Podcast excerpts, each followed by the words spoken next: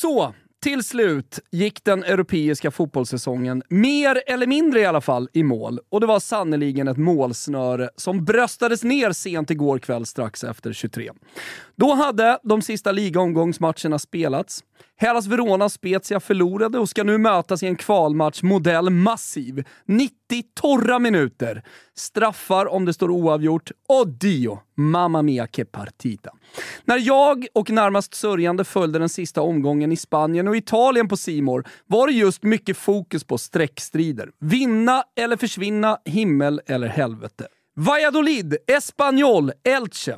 Cremonese, Sampdoria, Schalke och Hertha. Där har ni nästa säsongs big i kadetterna. Och Hamburg då, fortsatt, som firade uppflyttning och sen åkte till Stuttgart och inkasserade tre pålar modell massiva där också i den hamburgska pruttilutten.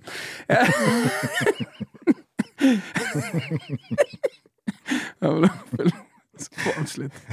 Europalagen är klara. Och jag tar Big Five snabbt, här och nu för er som missat det. Jag menar, det är ju trots allt svepets livselixir. Faktan. Champions League, City United, Arsenal, Newcastle, PSG, Lens, Marseille, Bayern, Dortmund, Leipzig, Union Berlin. Gugge. Barcelona, Real Atletico, Real Sociedad. Och sen Napoli, Milan, Inter, Lazio. Europa League då? Jo, jag tror att det är så här. Jag är inte helt säker. Men Freiburg, Atalanta, Roma, Liverpool, Brighton, Villarreal, Betis, Rennes. Konfan då? Lille, Juve, Aston Villa, Osasuna, Eintracht. Och så har vi det här med skytteliga-vinnare. Kanske folk som har glömt bort hur det ser ut. Jag tar även med runners-up.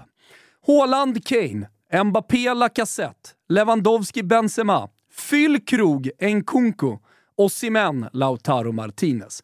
Men hörni, det var det där med målsnöret som bröstades ner igår. Från och med idag lever fotbollsspelaren Zlatan Ibrahimovic bara kvar i våra minnen. Inga fler lejonvrål, inga comebacker, inga spektakulära klacksparkar. Och så var det det där med frågan som vi ställt till alla våra gäster. När du tänker på Zlatan Ibrahimovic, vad tänker du på då? Spontant i bilen på väg in skrev jag ner solodansen mot Djurgården på Stadion, blådårar och lambon, nästa slalom, men då i Ajax, målen på Artemio Franki och hatsångerna som ekade, scudetton i Siena, bråket med Pep, landslagsbråken och bojkotten, bajsa på sig, klackmålet, Englandsmålet, Bulgarienmålet, Inter-Zlatan, Milan-Zlatan, övergången till Barcelona, det riktiga gul och gula avskedet i Nice, knäskadan, Mino Raiola, Bayern, statyn, Malmö FF, Zlatan med Milan-tröjan, den och landslagets. Äh, men desto fler minnesdörrar man öppnar, desto fler uppenbarar sig. Den stora återkomsten, målen, scudetton, Cazzo Guardi! Segercigarr. Ja, jag väljer att avsluta svepet med att citera Erik Nivas hyllning på måndagsmorgonen. Han skrev så här. Den största fotbollsspelaren vi någonsin haft. Den mest betydelsefulla svensken det här årtusendet.